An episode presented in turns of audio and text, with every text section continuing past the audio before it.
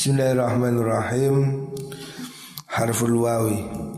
Qala Rasulullah sallallahu alaihi wasallam Wallahi mad dunya fil akhirah Ith illa mithlu ma yaj'alu ahadukum asabi'ahu Hadhihi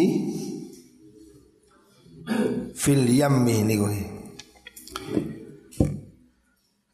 Rasulullah Shallallahu Alaihi Wasallam bersabda, Wallahi demi Allah, mad dunya, mad dunya orang orang utai dunyo. Fil akhirat ing dalam akhirat iku illa mithlu ma angin padani perkoro angin padani perkoro Ya ja'alu kang akan sopo ahadukum salah suci sirokabe usbu'ahu ing dirijine ahad. Hadhi rupane ikila usbu' fil yami ing dalam segoro falyanzur monggo becik ningali sapa man bima kelan apa yarji'u bali apa ma Maksudnya kanjeng Nabi Muhammad Shallallahu Alaihi Kanjeng Nabi mengingatkan bahwa kehidupan dunia ini tidak banyak nilainya ya. Kehidupan di dunia ini nilainya sangat sedikit Nabi mengingatkan kehidupan ini hanya seperti setetes air Kalau kamu memasukkan tanganmu ini diriji ke laut dicemplung nonang laut terus kamu angkat dapat berapa ya. sedikit sekali air yang bisa diambil oleh jari kalau dimasukkan ke lautan hanya satu tetes ya. hanya sedikit seperti itulah perumpamaan dunia dibanding dengan akhirat. Dunia ini kata Rasulullah Shallallahu Alaihi Wasallam hanya diibaratkan setetes air di lautan. Wallahi mad dunya fil akhirah illa mithlu ma yaj'alu ahadukum usbu'ahu hadhi fil yammi falyanzur bima yarji'u.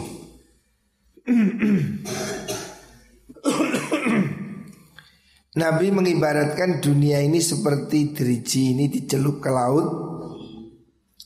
Satu tetes air yang nempel Itulah dunia.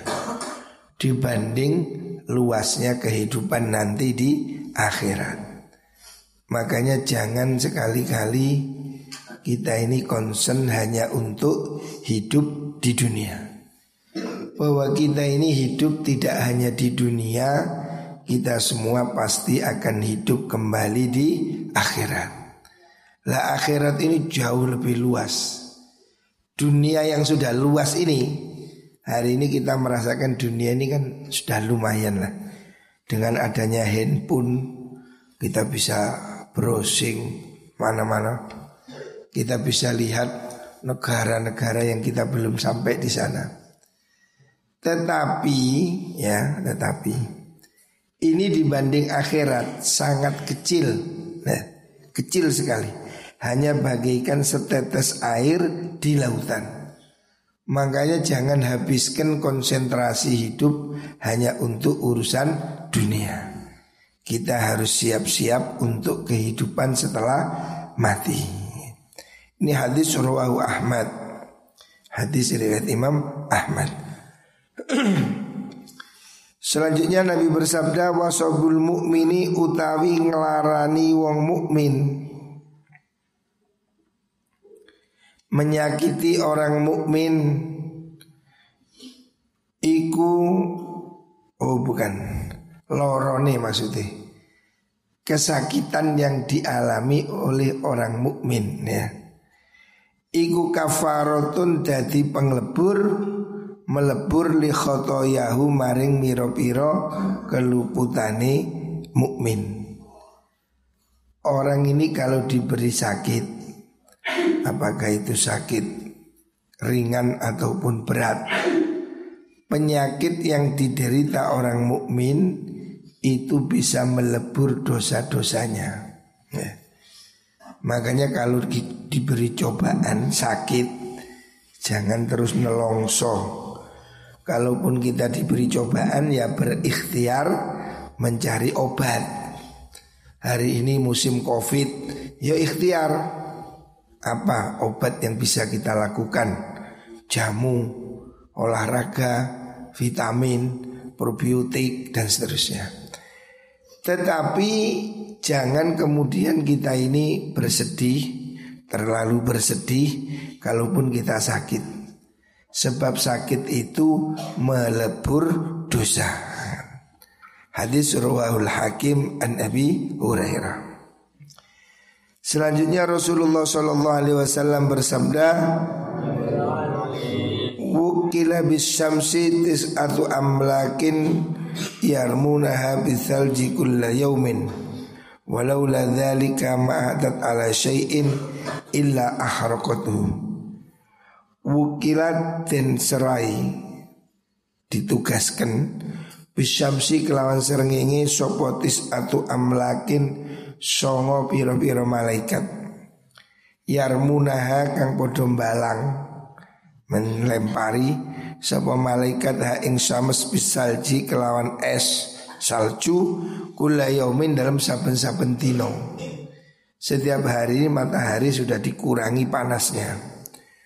Walaulah dalika lamun orang-orang mengkuno-mengkuno Tis'atu amlak niku Ma'atat mongko ora tumeka apa sames ala syai'in ing atas suci-wici Ila ahraqatu angin ngobong apa mengkono syams hu ing syai' Kalau matahari ini oleh Allah tidak diredam panasnya Maka bumi ini terbakar Bumi ini bisa terbakar Allah ini sudah memberi diskon panas matahari. Tapi nanti suatu saat kalau sudah dilepas ya matahari semakin panas. Hari ini sudah terasa ya. Hari ini sudah terasa ada apa? Pencairan apa istilahnya itu? Meningkatan suhu panas bumi ya. Allah itu menyayangi manusia dengan mengurangi panasnya matahari, melindungi bumi ini dengan lapisan yang mengurangi sinar panas matahari. Kalau tidak, semuanya bisa terbakar. Hadis Ruwah Tabrani. Selanjutnya kala Rasulullah sallallahu alaihi wasallam waladu Adam utawi anak Adam semua manusia iku tahta liwai ing dalam isore gendera ingsun semua manusia ini di bawah bendera Nabi Muhammad Shallallahu Alaihi Wasallam. Yaumal kiamati ing dalam dino kiamah. Pada hari kiamat semua manusia ini akan dibaris-bariskan. Kita orang-orang mukmin akan berbaris di belakang kanjeng Nabi. Wa ana utawi ingsun iku awwaluman kawitane wong yuftahu kang den buka lahu maring man apa babul jannati lawangi swarga. Pintu surga ini besok baru dibuka setelah datangnya Nabi Muhammad Sallallahu Alaihi Wasallam. Makanya kita ini harus harus kita ini bisa mendekat pada kanjeng Nabi. Dengan apa? Memperbanyak solawat. Dengan mengikuti sunnah-sunnah kanjeng Nabi. Mukum-mukum besok kita ini barisnya lebih dekat kepada kanjeng Nabi. Bab kalau barisnya dengan kanjeng Nabi orang suarco ya. Tapi lek barisnya kayak burine artis porno-porno itu ya Wah, yang neraka. Besok orang ini akan baris-baris ya.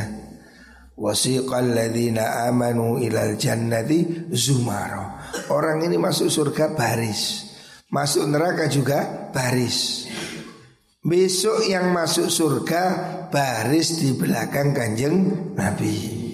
Muka-muka kita semua diberi kesempatan baris di belakang kanjeng Nabi.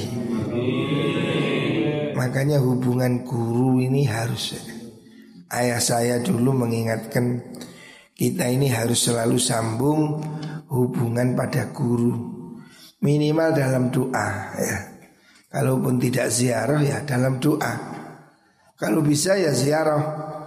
Ayah saya dulu almarhum selalu ziarah ke makamnya Ki Romli Gurunya.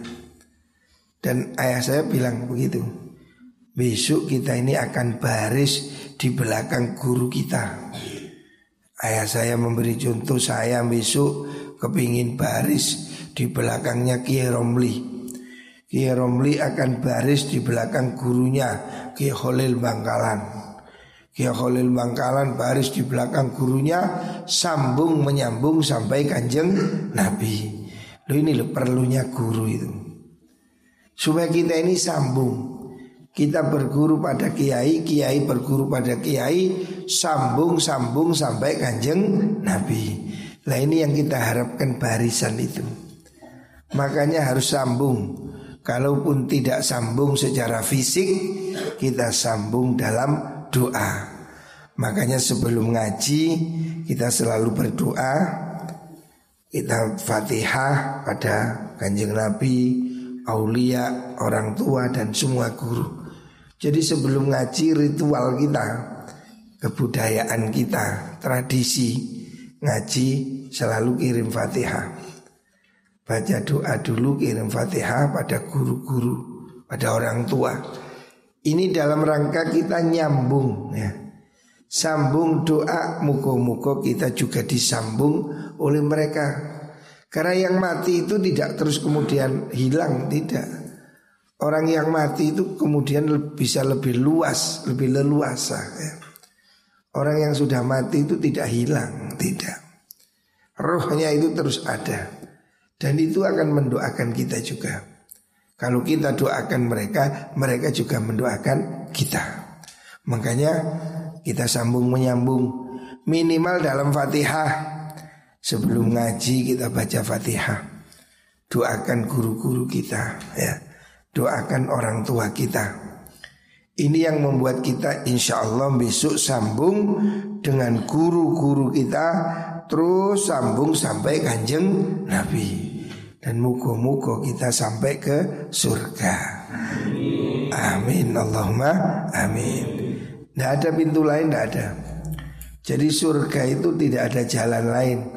Pintunya hanya ada di belakang kanjeng Nabi.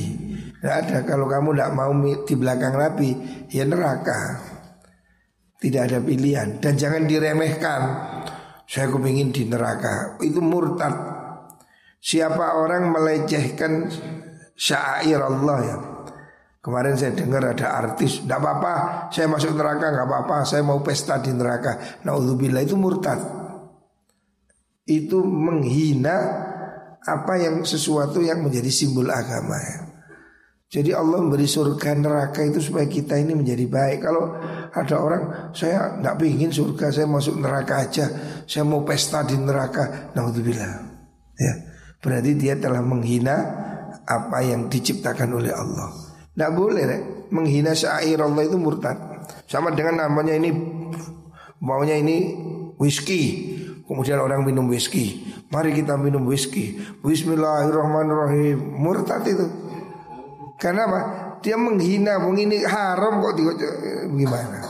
Untuk mari mobil whisky, alhamdulillah nikmat. Murtad itu awas ya. Itu menghina Tuhan. Ya, tidak boleh. Jadi coba lihat dalam kitab Sulam Taufik ya. Ada orang yang bisa kufur itu dengan ucapan, ada orang yang bisa kufur dengan tindakan menyembah kepada berhala, menyembah kepada patung, kufur dengan tindakan. Juga ada orang yang kufur dengan ucapan ya. Termasuk kufur dengan ucapan itu. Bukan hanya menyekutukan Allah Menghina, meremehkan, merendahkan. Itu juga kufur ya. Al-Quran diinjek-injek kufur. Apa ini, kitab apa ini? Tidak, tidak, kafir itu, murtad itu. Karena apa? Dia telah menghina sesuatu yang dihormati. Maunya orang itu makan babi. Siapa bilang babi haram? Halal, itu murtad. Menghalalkan perkara yang haram apa sholat itu? Itu olahraganya orang Arab. Hmm. Saya nggak mau sholat. Murtad. Kalau orang itu tidak sholat, hanya malas, turu gak sholat, dosa. Tapi kalau mengingkari wajibnya sholat, itu murtad. Itu murtad ya. Bisa dihukum mati itu. Termasuk mengingkari surga dan neraka. Jadi hati-hati. Jangan jangan sembrono ya. Muka-muka kita selamat. Amin Allahumma amin. Waladu amudi wabalun li ummati min ulama isu wailun ya. Wailun utawi banget kerusakan li ummati kedhi umat ingsun min ulama isu isangking ulama su ulama yang jahat ulama yang jelek ini kita sedih ya tapi kita tidak boleh menstigma. Itu ulama suk tidak boleh ya. Kita tidak berhak menilai orang. Lebih baik kita introspeksi diri kita sendiri. Tetapi kriterianya ada. Imam Ghazali dalam kitab Ihya Dalam kitab Bidayah Menjelaskan kriteria ada ulama su. Apa itu ulama su? Ulama busuk ulama yang tidak menggunakan ilmunya untuk akhirat. Itu ulama su. Orang yang menggunakan ilmunya untuk menjilat kekuasaan, mencari uang, menipu, pencitraan, itu ulama su. Ya. Itu wail, kata Nabi wailun celaka, ya wail. Li ummati bagi umatku min ulama isu dari ulama yang busuk ulama yang jelek. Jadi ulama ini nggak semuanya juga baik ya. Ulama yang baik itu innama yakhsyallaha bin ibadihil ulama. Orang alim yang takut kepada Allah itu ulama. Orang yang takut pada Allah. Yang ilmunya membuat dia takut kepada Allah. Tidak melakukan hal yang haram, tidak menipu, tidak membohongi umat itu ulama ulama yang sesungguhnya. Tetapi kalau ada ulama itu menggunakan ilmunya untuk tipu-tipu, ngajak orang baik tapi dia nggak ngelakoni, ada loh itu. Orang mengajak orang berbuat baik tapi dia nggak karu-karuan. Saya pernah dilapori ada orang kiai temen, saya nggak tahu dia mau ngundang ceramah Wadil sama saya. Gimana sih kenapa? Lupa Kia itu lo anaknya sualan cekak perempuan. Waduh Ya ongkep lah itu orang Artinya dia itu nuturi orang harusnya bisa nuturi dirinya sendiri. Bagaimana dia mengajak orang menutup aurat Kalau anaknya sendiri pakai celana pendek gitu loh. Jadi ulama itu harus bisa memulai dirinya sendiri. Kata Nabi Isa Kalau kamu menasihati orang ya. Il nafsak pertama kasih nasihat dirimu sendiri. Kalau kamu bisa nasihati dirimu, fa ini ta'alta fata'il. Kalau kamu bisa ngatur dirimu, berilah nasihat pada orang. Artinya aturan awak dewek di ya. Tapi wa illa fastahi minni. Kalau kamu tidak bisa mengatur hidupmu sendiri, malulah kamu pada Gusti Allah. Jadi ada ulama su ini ulama-ulama yang menggunakan ilmunya hanya untuk cari uang. Imam Ghazali dalam kitab Bidayah bab pertama sudah mengingatkan ulama su itu bagikan dajjal, penipu-penipu. Mereka yang menggunakan ilmunya hanya untuk cari sensasi, untuk menjilat-jilat kekuasaan, untuk cari uang dan jabatan. Dia tidak peduli mana halal mana haram. Yang penting penguasa bilang begini ya harus itu. Judi apa halal? Ya kalau pemerintah halal. Perzinaan kalau pemerintah halal. Oh yang begini ini bahaya. Dulu ada orang yang menghalalkan lokalisasi. Alhamdulillah hari ini sudah ditutup. Zaman dulu kan di mana-mana ada lokalisasi komplek WTS. WTS itu apa WTS ya? Balon nih lho. Sing bayar kelon. Nah, balon. Dulu kan ada di mana-mana lokalisasi. Harusnya pemerintah kan memberantas. Kenapa harus dilokalisasi? Alasannya supaya tidak menular. Wong penyakit kok ya diobati ojo di jangan dilokalisasi. Itu kan namanya diternak. Ya. Alhamdulillah hari ini Jawa Timur tidak tahu di daerah lain Di Jawa Timur sudah ada lebih dari 50 komplek WTS yang ditutup Ya begitu harusnya ya Tapi heran dulu-dulu itu Doli Di Surabaya ada Doli, Gang Doli Terkenal itu Se-Asia komplek WTS terbesar itu di Surabaya Lebih dari 5000 santri di situ Santri Doli kami ya, Jadi orang ini mengharamkan poligami dilarang tapi malah doligami ya, ya, balon. Doli itu dulu 5000 orang. Loh itu kan jelas-jelas haram Ada tapi orang yang mencari muka ke pemerintah mengatakan Tidak apa-apa lokalisasi Alasannya ini darul mafasid Alasannya ini masalah Apa? Wong pemerintahan ini pemerintah Pancasila. Ketuhanan yang maha eh seharusnya ya ajaran Tuhan diamalkan. Komplek WTS ditutup. Ngapain kok masih pakai? Buktinya hari ini bisa ditutup kan? Burisma. Saya mengakui bagus itu. Burisma wali kota Surabaya menutup komplek WTS terbesar di Asia. Harus begitu ya. Jangan kemudian kita malah carikan dalilnya dulu pemerintah bikin SDSB apa itu? Porkas judi. Ada ulama yang menghalalkan itu. Boleh alasan itu bukan judi. Kok bukan judi? Sebab dilakukan oleh pemerintah. Berarti oh mulai Loh, ulama su ini bahaya ini. Ulama su ini ulama yang menjilat. Ilmunya digunakan untuk cari uang. Loh ini loh, tidak benar yang begitu itu. Jadi ulama harus pada garisnya. Katakan yang halal itu halal, yang haram itu haram. Jangan kemudian karena disokok berubah. Ada cerita ceritanya katanya ya ini cerita guyon. Ada seorang mempunyai anjing. Anjingnya karena ini anjing yang disayangi mati. Dia minta anjingnya dikubur di kuburannya orang Islam.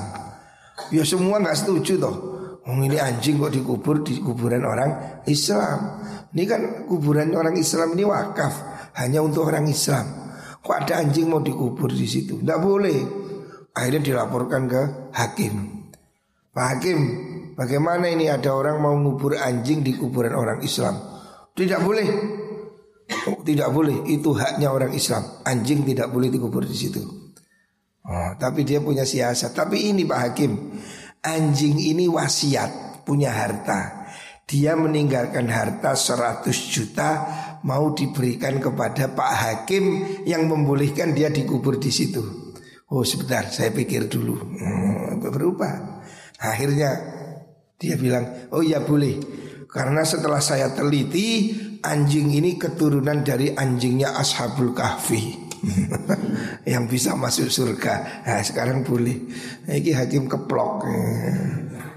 Setelah haram kemudian halal. Kenapa? Karena itu tadi anjingnya ini punya warisan yang diberikan pada Pak Hakim. Oh, boleh ya. Ini boleh, boleh.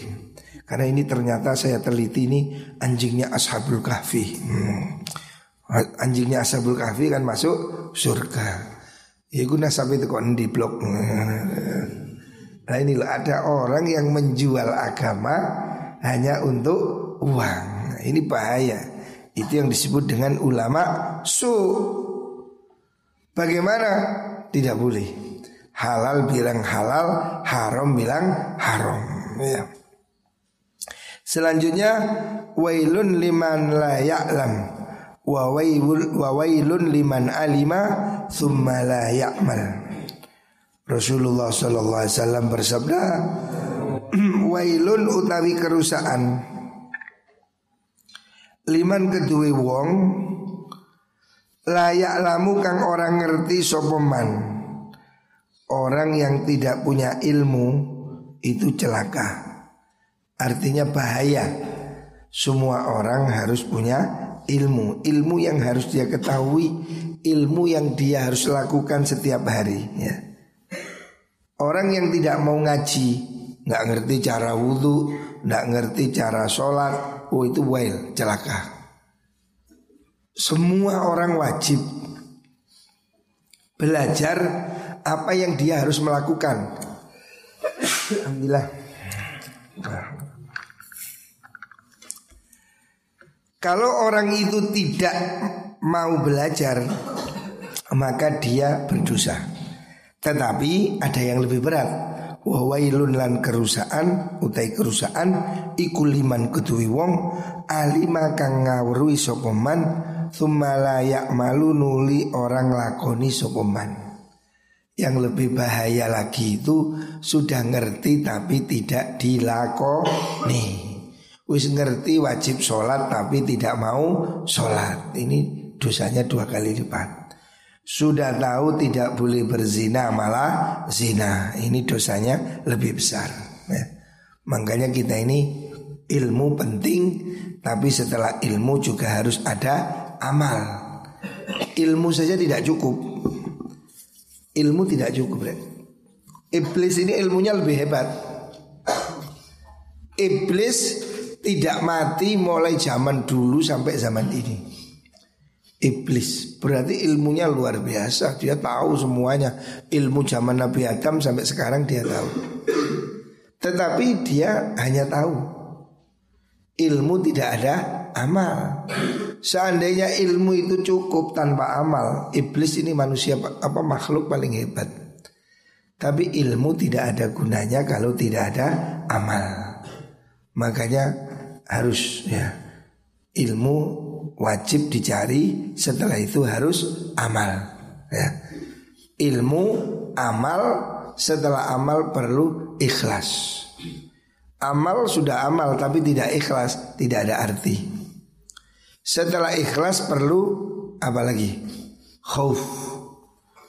Kalaupun sudah merasa ikhlas jangan kier. Saya ikhlas berarti belum ikhlas Musik rumongso. Orang kalaupun sudah berusaha secara ikhlas harus tetap khauf, takut pada Gusti Allah. Apakah amal ini diterima atau tidak? Kita kan tidak tahu. Dan yang lebih bahaya lagi, kita tidak ngerti apakah itu akan menjadi kita husnul khatimah. Sebab kita selama hidup ini belum jelas kepastiannya nanti apakah kita mati husnul khatimah atau suul khatimah. Orang seumur hidup ibadah tapi akhir hayatnya murtad habis tidak ada arti. Sebaliknya orang walaupun seumur hidupnya maksiat taubat mati dalam keadaan iman masuk surga. Kita tidak tahu apakah kita mesti husnul khatimah. Makanya jangan sombong. Walaupun sudah berbuat baik jangan disombongkan. Karena kita tidak tahu apakah kita mesti husnul khotimah. Muka-muka kita berharap semua kita menjadi orang yang husnul khotimah. Ini yang kita inginkan. Bab akhir ini yang penting. Finalnya yang penting. Akhir hidup kita ini loh Kalau kita mati membawa La ilaha illallah Masuk surga. Tapi kalau di akhir hayat kita digoda setan Naudzubillah. Orang mau mati itu digoda setan. Dirayu-rayu setan supaya murtad. Lah pada saat seperti itu Kalau sampai murtad Masya Allah Tidak ada arti walaupun dia sudah ibadah Kalau akhir hidupnya Su'ul khatimah Muka-muka kita selalu dalam keadaan husnul khatimah